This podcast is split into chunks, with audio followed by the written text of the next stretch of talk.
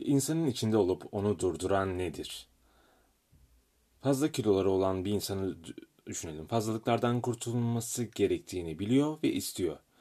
Bu kilolardan kurtulursa neler kazanacağını, kurtulamazsa neler kaybedeceğini biliyor.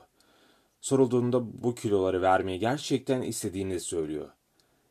Elinde çok sayıda dergi ve diyetisyenin fazla kilolardan kurtulma yollarını anlatan rejim listeleri de bulunuyor.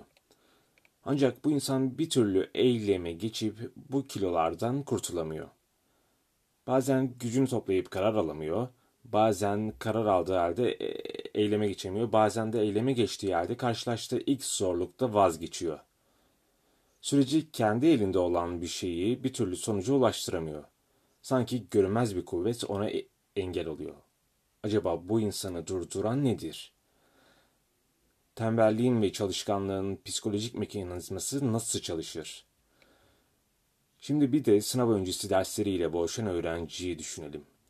Sorduğunuzda derslerinde başarılı olmak istediğini söylüyor. Bu amacı için ders çalışması gerektiğini de biliyor. Derslerin nasıl çalıştığını da biliyor. Ç- çalışma masası var. The, the, ders kitapları masanın üstündeki kendisini bekliyor. Derslerin nasıl çalışıldığını da biliyor. Çalışma masası var. Ders kitapları masanın üstündeki kendisini bekliyor. Öğrencimiz ders çalışmanın hayatındaki yeri ve öneminin de farkında. Ders çalışmamakla neler kaybedeceğini, çalışırsa neler kazanacağını da biliyor. Elini kolunu bağlayıp çalışmasını engelleyen bir dış güç de yok. Tüm bunlara karşın bir türlü masanın başına oturamıyor. Kendisine otursa aklı havalanıp başka yerlere gidiyor. Yapması gereken ve yapabileceği bir şeyi bir türlü kendine yaptıramıyor. Peki bu öğrencinin içinde olup onu engelleyen güç nedir? Ya da bu öğrencinin içinde olmadığı için onu kendisine egemen olmasını zorlaştıran şey nedir? Önemli işe öncelik vermeyen bir iş adamı. Son bir örnek de iş dünyasından. Tunç Bey başarılı bir genç girişimcidir. Genç yaşında kendi işini kurmuş, 30'undan önce ilk 1 milyon dolarını kazanmıştır. İşlerini küresel ölçekte büyütmek istemektedir. Tabi bunun için de mutlaka İngilizce öğrenmesi gerektiğini görmektedir. Bu hedefini gerçekleştirirse neler kazanacağını, gerçekleştiremezse neler kaybedeceğini bilmektedir. İngilizce öğrenmeyi gerçekten istediğini düşünmektedir. Eğer harekete geçerse başarabileceğine de inanmaktadır.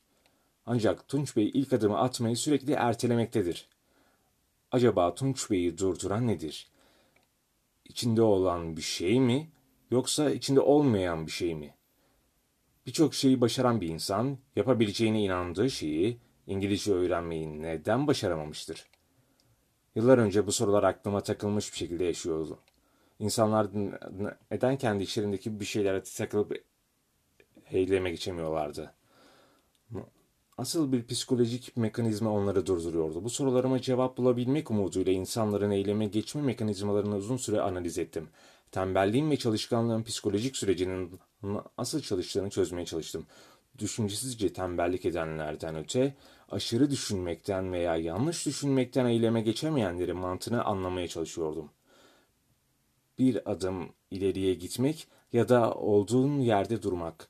İşte bütün mesele bu.